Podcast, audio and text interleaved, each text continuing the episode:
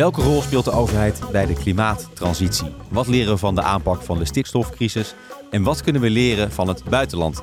Mijn naam is Koos Tervoren en dit is Stibbe Legal Insights. Deze aflevering gaat over de klimaattransitie en wat de overheid effectief kan doen om de klimaattransitie te stimuleren, bijvoorbeeld met behulp van het recht. En daarbij kan de overheid leren van haar aanpak van de stikstofcrisis, want dat gaat niet altijd even soepel. Wat gaat er mis en hoe kan dat beter? Ook kijken we naar voorbeelden in de energietransitie. Op welke manier kan de overheid daarin bijdragen? En wat kunnen we leren uit het buitenland? Aanleiding van deze aflevering is het Stibbe Klimaatcongres. Dat plaatsvindt op 22 september 2022, dit jaar dus. En tijdens dat congres hoor je onder meer hoe de klimaattransitie impact heeft op bedrijven en organisaties. En hoe zij hiermee om kunnen gaan ten aanzien van governance, finance en compliance. Deze aflevering van Stibbe Legal Insights spreken we specifiek over de rol van de overheid. Um, maar over dat event, je kunt je trouwens nog aanmelden daarvoor. Uh, zie de link in de show notes. Nou, op dat congres spreekt onder andere Ali Al-Khatib. Uh, en die zit hier ook aan tafel. Maar ook aanwezig is Tom Barkhuizen. En beide zijn natuurlijk advocaat bij Stibbe. Uh, welkom allebei. Ja, de klimaattransitie en de klimaatdoelen die zijn op zich duidelijk. Uh, in 2030 moeten we ongeveer de helft minder uitstoten dan we in uh, 1990 deden. En in 2050 moet de uitstoot zelfs uh, nul zijn. Nou, een grote opgave voor zowel bedrijven als voor de consument, voor de burger, voor ons, maar ook voor de overheid. en die speelt daarin een belangrijke rol. Tom, welke rol is dat precies? Ja, het is eigenlijk meer drie rollen zou je kunnen onderscheiden. Um, en de klassieke rol is eigenlijk de overheid die met regels optreedt, met beleid optreedt om dingen te verbieden eh, of juist een bepaald duwtje te geven. Eh, dat kennen we allemaal. Een verbod op een bepaalde, bepaalde brandstof uh, of, of, of minima of maxima voor bepaalde uitstoten. Um, maar daarnaast, en dat vergeten we soms nog wel eens, heeft de overheid nog twee andere rollen eigenlijk. En die rol is in de eerste plaats als subsidie geven, het stimuleren eigenlijk van, van transitie. Je kunt met, met financiële middelen of anders als de overheid dingen een zetje geven in de goede, goede richting. En uh, een rol die nog vaak nog meer verstopt is, is de rol van participant. Overheid als aandeelhouder in wat bedrijven die bijdragen aan uh, het tegengaan van verdere opwarming van de aarde bijvoorbeeld. En als we even bij die eerste beginnen. Uh, de overheid als regelgever of handhaver of uh, beleidsmaker. Uh, ja, een, een, toch wel in het oog springend voorbeeld op dit moment is de, de stikstofcrisis. Um, vertel Tom, hoe, hoe, is de rol van de overheid daarin? Ja, dat, dat is een heel, heel lang, een lang uh, parcours eigenlijk al geweest. het begon eigenlijk allemaal bij Europese regelgeving die lidstaten verplichten om zogenaamde ja, Natura 2000 gebieden aan te wijzen. En daar ja, moet dan een speciale bescherming van, van de natuur ook plaatsvinden. Dat is in Nederland gedaan. En vervolgens was eigenlijk het idee, zoals vaak bij Nederland, nou, voor ver niks te doen, het gaat vanzelf wel goed. En dat bleek eigenlijk al na een aantal jaren dat het eigenlijk helemaal niet vanzelf goed ging. Dat eigenlijk die afspraken die werden gemaakt op Europees niveau, dat je die gebieden moet beschermen, dat ze niet achteruit mogen gaan qua natuur, dat je die eigenlijk heel moeilijk zou kunnen handhaven zonder dat je ook daadwerkelijk in zou gaan grijpen in landbouwbedrijven of andere ontwikkelingen rondom die natuurgebieden. We hebben een systeem bedacht waarmee we dan zouden zeggen, nou, al die ontwikkelingen kunnen rondom die natuurgebieden, kunnen die gewoon doorgaan. Als maar ergens beloofd wordt op een andere plek een, belofte ligt dat je uh, de, de, de stikstofuitstoot daar terugbrengt. Zonder dat er daadwerkelijk een mechanisme waren om te controleren of het daadwerkelijk gebeurde en in welke mate. Het zogenaamde PAS-systeem, het programmatische aanpak stikstof. Nou, op die manier hebben we onszelf, ja, zou je kunnen zeggen, vanuit die koopmansgedachte hebben we onszelf wat tijd uh, erbij gekocht.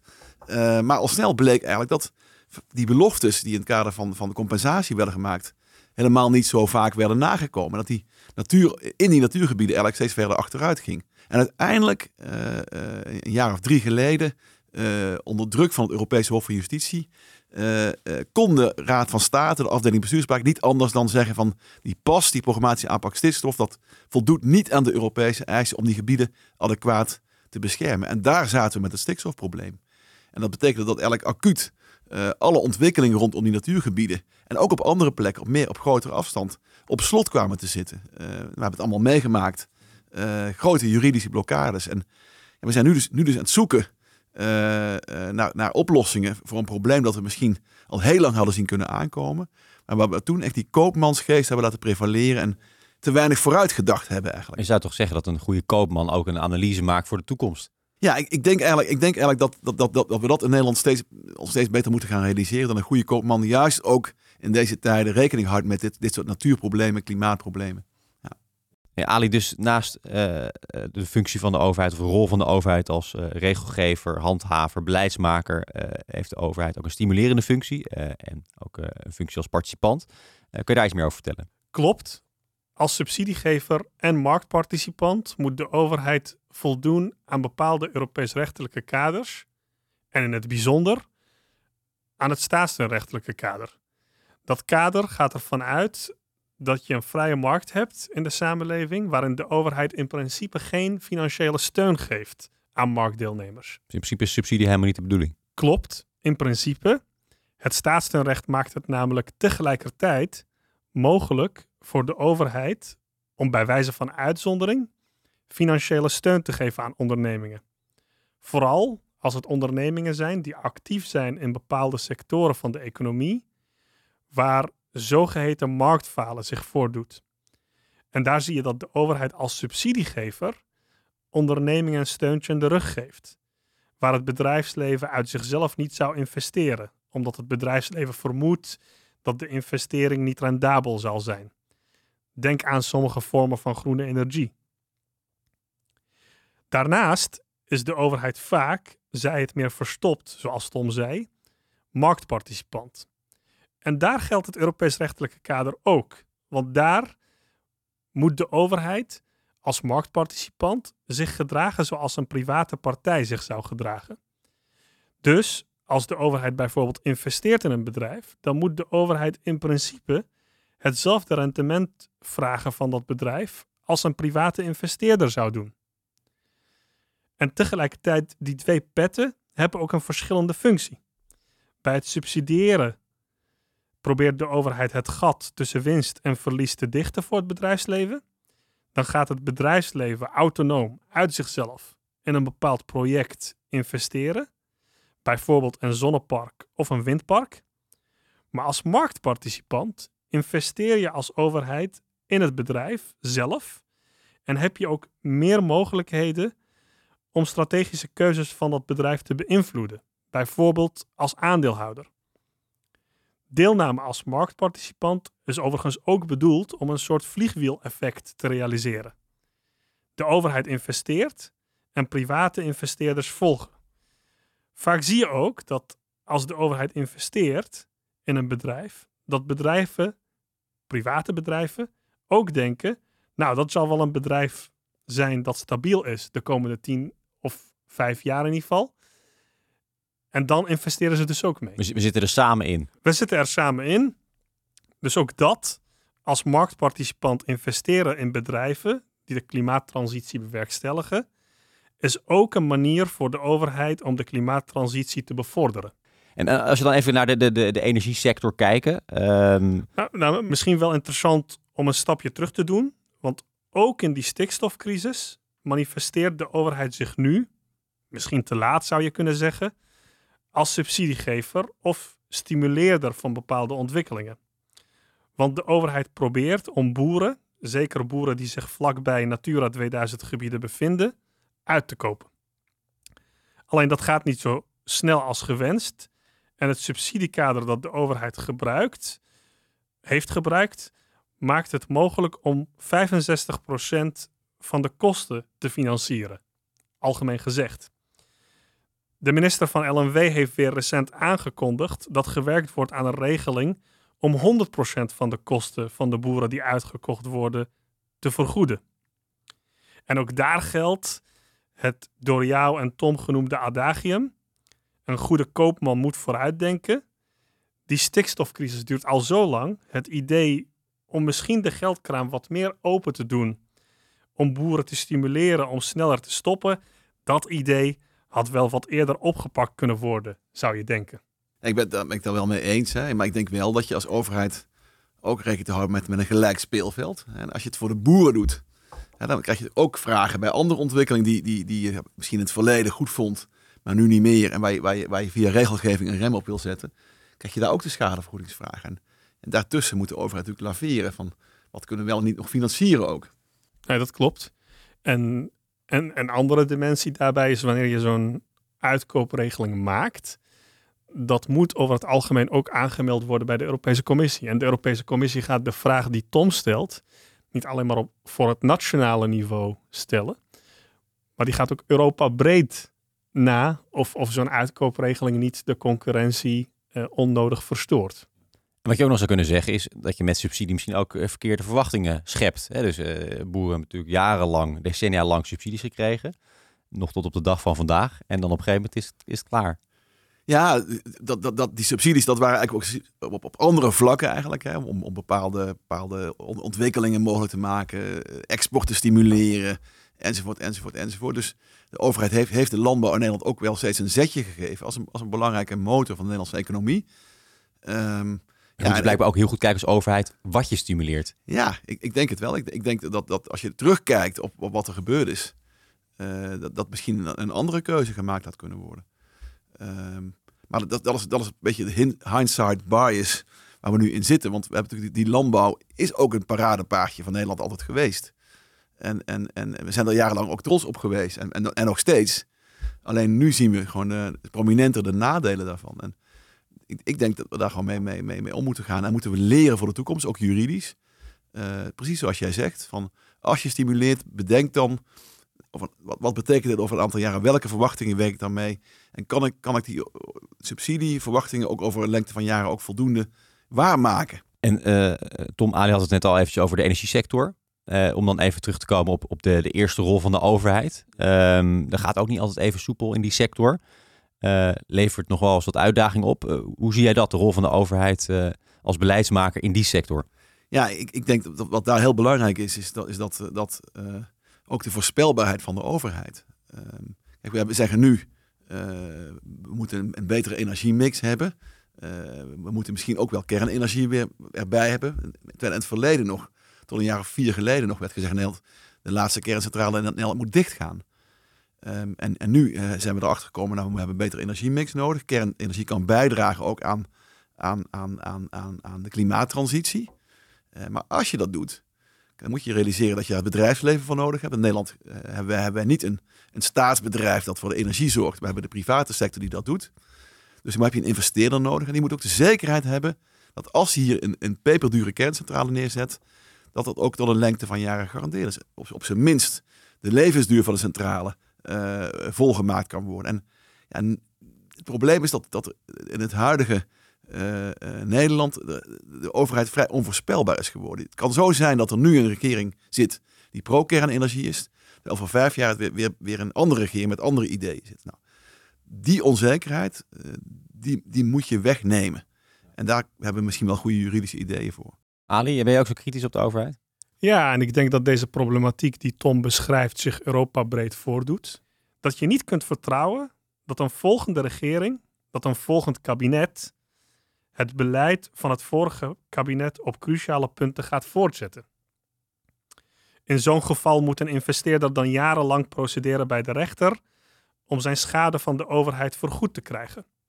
Dat is geen aanlokkelijk perspectief natuurlijk.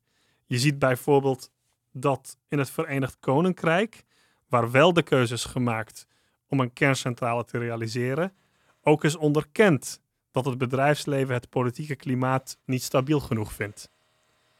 Zeker niet om zo'n grootschalige investering als een kerncentrale te doen. Dus wat heeft de overheid daar gedaan? De overheid heeft een garantie gegeven dat, mocht die kerncentrale voor het einde van zijn levensduur gesloten moeten worden, vanwege gewijzigde politieke inzichten, dat dan volledige compensatie van de investeerders plaatsvindt. Zonder dat zij, zoals dat normaal gaat, moeten procederen bij de rechter. Maar in een ideale wereld zou de markt zo'n clausule het niet nodig hebben. Ik denk dat Tom en ik graag zien dat de overheid, zeker in Nederland, een zodanige stabiliteit naar het bedrijfsleven toe uitstraalt, dat bedrijven wel uit zichzelf bereid zijn om te investeren en investeringen te doen die 20 of 30 jaar lang door moeten gaan voordat het zich uitbetalen. Wat is het dan in deze sector waardoor je die garanties wel nodig hebt? Ja, voor, voor het bouwen van zo'n kerncentrale is veel tijd en geld nodig. Volgens mij zijn de bouwtijden circa 8 tot 10 jaar. En dan, na een enorme investering, begint de onderneming met energie verkopen en de gemaakte investeringen terug te verdienen. De partijen die hierin investeren willen natuurlijk aan het einde van de levensduur van zo'n kerncentrale met winst terugkrijgen wat ze hebben geïnvesteerd. Dus idealiter hebben investeerders vanwege hoe de overheid zich over het algemeen opstelt, eventueel gecorrigeerd door de rechter, de zekerheid die nodig is om dit soort lange termijn investeringen te doen. omdat het nodige vertrouwen nu nog niet bestaat, zou op korte termijn in het kader van de klimaattransitie zo'n clausule na het voorbeeld van het Verenigd Koninkrijk geen verkeerd idee zijn om grote investeringen aan te jagen. En hoe is het uiteindelijk daar gegaan in het Verenigd Koninkrijk? Volgens mij loopt dat project nu gewoon. Dus de investeringen gaan gewoon door. Maar de kerncentrale zelf is nog niet gerealiseerd. Dat zou ook heel snel zijn als het nu al klaar is. Nee, dat allemaal complicatie. Ook met, Chinese bouwers en investeerders. Dus het is allemaal heel lastig geworden. Maar die contracten die er zijn gemaakt. Met die clausule erin van ook als je eerder dicht moet door de politiek, krijg je het vergoed die zijn gesloten. En, en ja, dat, zou voor Nederland, voor de Nederlandse kerncentrales, ook een, een idee zijn om, om zo'n zo'n zo'n contract uh, te maken. Maar die, die, contracten zijn gesloten, ze zijn dus blijkbaar bedrijven die willen investeren. Ja, er wordt, er wordt fors geïnvesteerd. Ja. Overigens heel interessant, over de steun aan die kerncentrale is tot aan de Europese rechter geprocedeerd, ook door andere lidstaten. Met als argument dat kernenergie niet gesteund zou moeten worden, en daar heeft de Europese rechter toch aangegeven dat dat tot de autonomie van lidstaten behoort om wel of niet te kiezen voor kernenergie. Dus ook dat principe is wel op Europees niveau uitgevochten. Nou ja, een vergelijkbare discussie hebben we nu onlangs gehad. Hè, van gaan we, wordt gas, wordt dat nou als een, als een, als een, als een, als een, nog een duurzame brandstof gezien die je mag gebruiken in het kader van nieuwe Europese regels over de klimaattransitie? Er was een enorme lobby over geweest. Uiteindelijk is gas wel als zo'n brandstof aangemerkt. In die zin hebben overheden ook een breed palet aan mogelijkheden om de energietransitie vorm te geven en daarmee de algehele klimaattransitie voor een groot deel te bewerkstelligen. Alleen, de vraag is, wat is nou de stip aan de horizon? Hoe willen we dat onze energiemix over 20 of 30 jaar eruit ziet? Die principiële vraag is ook onlangs door het bedrijfsleven opgeworpen ook naar aanleiding van de energieproblemen die we nu hebben, mede als gevolg van de inval van Rusland in Oekraïne. Ja. Die, die, die stip die kan je natuurlijk zetten, eh, Tom, maar het, het lijkt me ook niet eenvoudig. Eh, want er zijn, er zijn, natuurlijk zoveel verschillende factoren. Dus je, nee, je hebt eh, wat er in de wereld gebeurt. Zo'n oorlog met Rusland en Oekraïne kan je niet voorspellen. En wat het voor gevolgen heeft voor gas. Dus moet je misschien wel weer Groningen openen. Aan de andere kant heeft het een juridisch aspect. je moet een deel van de bevolking meekrijgen. ook politiek. Hè? Dus heel veel verschillende factoren. Dus ook niet, ook niet makkelijk om, om zomaar een stip te zetten en daar in een rechte lijn naartoe te gaan, lijkt me. Nee, dat is vreselijk moeilijk. En die pretentie moeten we niet hebben. Maar het is belangrijk dat we die stip, die stip is gezet. Het, het klimaatdoel is duidelijk. Uh, en in Nederland hebben we hebben dus inderdaad ook te maken met wisselende parlementen. Waardoor je ook wisselend beleid kunt krijgen. Maar, maar, maar het, doel, dat is ook internationaal verankerd. Dat moet juridisch ook gehaald worden. En in Nederland hebben we geprobeerd om iets van stabiliteit te creëren. Toch door de klimaatwet waarin gewoon vastgelegd is wat, welke, welke plannen moeten worden uitgevoerd om per, per, per eh, rapportageperiode bepaalde doelen te halen. En daar wordt toezicht op gehouden door de Raad van State. Uh, de afdeling advisering van de Raad van State is, is, onze klimaatwet toezichthouder. En die rapporteert daar ook over aan het parlement. Dat is eigenlijk een idee om in die woelige wereld uh, via het recht toch nog enige, ja, enige, enige ordening te krijgen en enige binding ook te krijgen aan dat doel. En ik denk dat dat een hele goede poging is uh, die we gedaan hebben. Het zal niet medicijn voor alles zijn. Uh, maar het is wel goed dat, dat, dat we onszelf steeds jaarlijks de maat nemen. Uh, en ook in, in wisselende politieke omstandigheden dat, dat doel voor ogen houden. Maar helemaal gelijk. we hadden alles keurig voor elkaar. de agenda-doelen waren, hè, zouden we gaan halen. We, we, zouden ook, ook, de, ook de, de verdergaande doelen gaan halen. Maar dan komt er een oorlog tussendoor plotseling alles anders. Hè. Dan, moet, dan moet plotseling de kolencentrales open blijven. In Duitsland uh, had men afscheid genomen van kernenergie. Is nu opnieuw het debat over kernenergie uh, gevoerd. En, en ja, ik denk dat dat soort ontwikkelingen zullen er steeds zijn. Ben je ook zo verschevingsgezind naar de overheid, uh, Ali? Bescheidenheid, zoals Tom zei, is hier natuurlijk gepast. Het is een complexe problematiek. Ik denk ook dat alle betrokkenen met elkaar samen moeten werken om te kijken hoe we dit complexe vraagstuk moeten oplossen. Tegelijkertijd denk ik dat een kritische houding ook wel gepast is, zeker richting de overheid. En als ik kijk naar de overheid, dan loopt zij toch op, bij verschillende vraagstukken die van cruciaal belang zijn, achter op de feiten.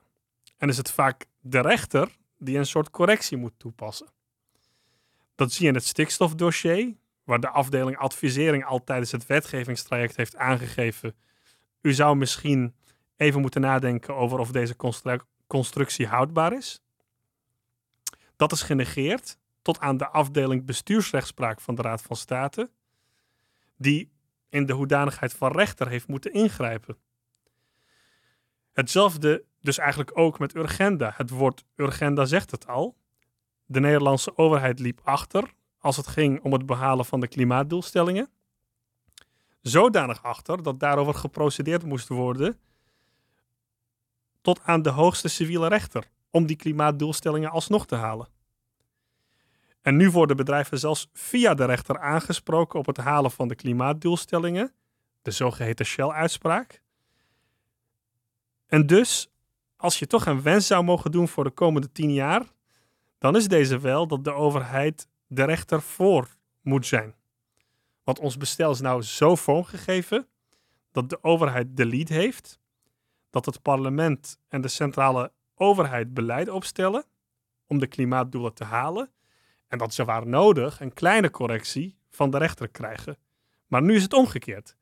De rechter is haast noodgedwongen de aanjager geworden van belangrijke ontwikkelingen. Ja iets wat je ook in andere landen overigens ziet. Hè? In heel veel landen uh, krijg je agenda-achtige uitspraken die de overheid daar aanzetten tot, tot, tot nadere actie. Um, ik ben helemaal met Ali eens. Uh, tegelijkertijd roept dat wel spanning op tussen rechter en politiek, dat soort uitspraken. En dat zie je niet alleen maar in die uitspraak gericht tegen de overheid, maar zie je ook in die Shell-uitspraak die Ali had noemen, waar eigenlijk een bedrijf wordt aangesproken op, op het behalen van haar, haar eigen klimaatdoelen. Ja, ook daar zie je spanning ontstaan. Want waarom, dat, waarom net dat ene bedrijf? Waarom, waarom dan niet alle bedrijven? Hè? Krijg je daar geen concurrentienadeel? Is dit wel de goede aanpak? Eh, daar moet nog over doorgeprocedeerd worden. Die zaak ligt nu bij een hogere rechter. Uh, maar ook daar zou ik denken, uh, overheid, neem dat stokje over. En zorg ervoor dat, dat die bedrijven gewoon allemaal, alle bedrijven in die branche aan dezelfde regels worden gebonden. En dat ze niet één voor één worden uitgekozen, op de korrel worden genomen. En, en, en, en, en door, door private partijen gedwongen worden om per bedrijf regels na te leven.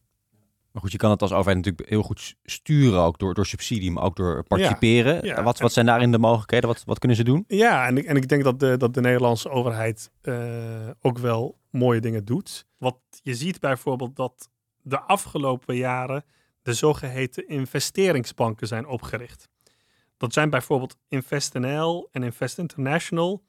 En op provinciaal niveau heb je allerlei ontwikkelingsmaatschappijen van de overheid. Hun doel is om als marktdeelnemer transities in de economie te bewerkstelligen. Een mooi voorbeeld is een investering van een dergelijke investeringsbank in recyclebare kunststof kunststof die geproduceerd wordt door middel van plantaardige stoffen in plaats van olie. Dat soort investeringen vanuit de overheid in het bedrijfsleven, ook nog eens met de pet van een marktparticipant op, waardoor de overheid ook kritisch is op of het bedrijf levenshoudbaar, levensvatbaar is, kunnen de klimaattransitie in brede zin bespoedigen. Omdat je toch het, over, het bedrijfsleven aanmoedigt om conventionele productiemethodes te verlaten en over te gaan tot productiemethodes die de komende 20 tot 30 jaar kunnen helpen bij het bewerkstelligen van de klimaattransitie. En het bijzondere is daar natuurlijk aan dat het een uitzondering is. Het recht zegt eigenlijk de overheid mag dat niet. want eigenlijk moet de vrije markt moet, moet, moet, moet zijn werk kunnen doen. Maar onder omstandigheden staat het recht dan toe dat de overheid dat doet als, als het nodig is om ja, een, een zetje te geven dat de markt zelf niet kan geven. En dat is de achtergrond. Maar je moet hopen, en dat is, dat is ook eigenlijk de achtergrond van het staatsrecht op Ali, uh, dat, dat, dat, dat er vrij snel niet meer nodig is. Dat het bedrijfsleven dat zelf kan. En, en, dan komen we toch weer een beetje terug op visie. Daarvoor moet je als overheid heel duidelijk weten waar je naartoe gaat. En, en waar je ja. inderdaad dat extra zetje moet geven. klopt. En ik, ik denk dat daar dus, dus, die, dus die klimaatwet uh, met, met, met, met afrekenbare doelen gewoon een, hele mooie leidraad kan zijn. Uh, daarnaast stabiliteit, ik denk rechtszekerheid, uh, ook juridisch af te dwingen overigens. En op het ogenblik dat het onverhoopt toch niet kan, dat je toch moet terugkomen van zoals in Spanje gebeurde met, met, met een garantie voor zonnepanelen, uh, waar enorme investeringen werden gedaan door buitenlandse partijen, met een prijsgarantie die de overheid niet kon waarmaken, wat veel te duur werd. We moest, moest Spanje van terugkomen. Ja. Ik denk dat als dat gebeurt, ja, dan, moet, dan, moet, dan, moet je, dan moet je als overheid voorkomen. Je moet, je moet zorgen voor rechtszekerheid. Afspraak is afspraak. En, en, en uh, als, je, als je bedrijven uitnodigt om te investeren en dat op de een of andere manier moet je daarvan terugkomen, moet je daarvoor compenseren. Ja. Ook dat moet je, moet je, moet je consequent doen. Uh, en, en, dat in combinatie met waar, waar, waar dat kan, tijdelijk stimuleren onder het staatsrecht, waar het mag. Uh, dan heb je een, een heel mooi palet. En dan, waar het dan toch niet goed gaat, waar de overheid toch nog achterloopt, heeft het recht, hè, zoals Adi zei, nog de laatste stok achter de deur. Dan kunnen partijen, milieuorganisaties naar rechter gaan en kijken of die rechter nog, nog weer een extra uh, koerswijziging uh, kan bewerkstelligen. Moet je dus goed kijken naar het buitenland ook. In Spanje gaat het blijkbaar wat minder. Maar zijn er ook voorbeelden waar het dan wel goed gaat in het buitenland? Nou ja, Adi gaf al een mooi voorbeeld, denk ik, van die ontwikkeling van die kerncentrale in het Verenigd Koninkrijk, waar, waar, waar, waar, die stabiliteit gegarandeerd is door zo'n contractuele clausule. Um, ik denk dat dat, dat, dat, dat, dat waar nodig een, een oplossing kan bieden om partijen die aarzelen om te investeren uh, in, in, een heel kapitaalintensief uh, uh, ontwikkeling, die toch over de streep te trekken. Ja, als we dan, als we dan terugkeren naar, naar, naar de stikstofproblematiek en je vergelijkt de aanpak in Nederland met die, met die, met die in België, voor zover we dat op afstand kunnen beoordelen natuurlijk, ja, dan zien we dat, dat in België eigenlijk die rechtszekerheid meer op de voorgrond gestaan heeft. Want in Nederland hebben we eerst een, een, een globaal kaartje, de gevraagde uh, stikstofkaart gepresenteerd. En toen vervolgens tegen de provincies gezegd van, gaan jullie maar eens, maar eens met, met, met, met, met, met alle bedrijven in de provincie kijken hoe je die doelen kunt bereiken. En met als gevolg acht jaar lang rechtsonzekerheid nou, en alle protesten die we nu gezien hebben. Um, in België heeft men dat toch iets anders aangepakt. Men op centraal niveau van tevoren bedacht, oké, dit is het doel. Um, en we gaan gewoon kijken, wat zijn er de grootste bedrijven die de grootste vervuiling in die natuurgebieden veroorzaken. Die krijgen een rode brief. Dat betekent dat ze gewoon er zeker van zijn dat, dat ze uiteindelijk moeten gaan stoppen met, met hun bedrijf. Andere bedrijven hebben een oranje brief gekregen. Dat betekent, je mag blijven, maar je mag zeker niet meer uitbreiden. En weer andere bedrijven hebben een groene brief gekregen. En die groene brief houdt in, nou, onder omstandigheden mag je zelfs nog een beetje uitbreiden. En dat, dat zorgt ervoor dat, dat er in België niet het protest uitgebleven is. Maar dat, dat, dat er toch wel meer rechtszekerheid, meer duidelijkheid is. Op, op, gewoon als je weet, uh, als je zeker weet, nou, ik, mijn bedrijf wordt geliquideerd, dan krijg ik fatsoenlijk compensatie daarvoor. Dat is een betere positie dan dat je, je, je als het ware dat zwaard van Damocles acht jaar boven je hoofd hebt hangen.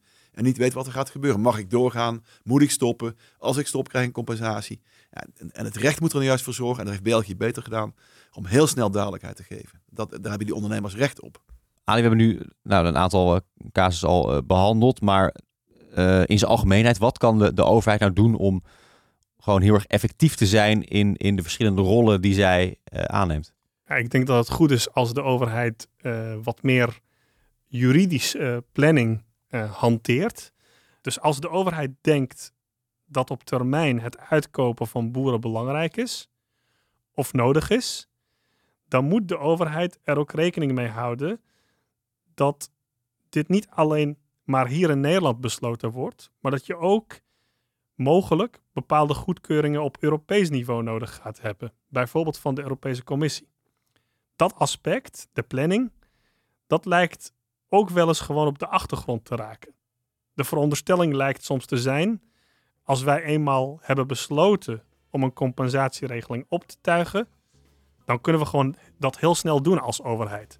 Maar de praktijk is vaak weer barstiger. Alright, duidelijk. Um, nog even ja, samenvattend wat we nou kunnen meenemen uit deze aflevering. Um, de overheid moet dus een goede juridische planning hebben, dat is wel duidelijk. Uh, met een stip op de horizon. Visie is belangrijk, want dan wordt het voor iedereen uh, duidelijker. Dat was uh, deze aflevering over de klimaattransitie. Dankjewel Ali en ook dankjewel Tom. Dit was Stibbe Legal Insights. Voor meer informatie over het Stibbe Klimaatcongres kun je kijken op stibbe.com. Um, klik ook op de link in de show notes. Uh, daar kan je je aanmelden. En vind je deze podcast nou interessant? Druk dan via Spotify op de volgknop of laat een recensie achter via Apple Podcasts. Tot de volgende Stibbe Legal Insights.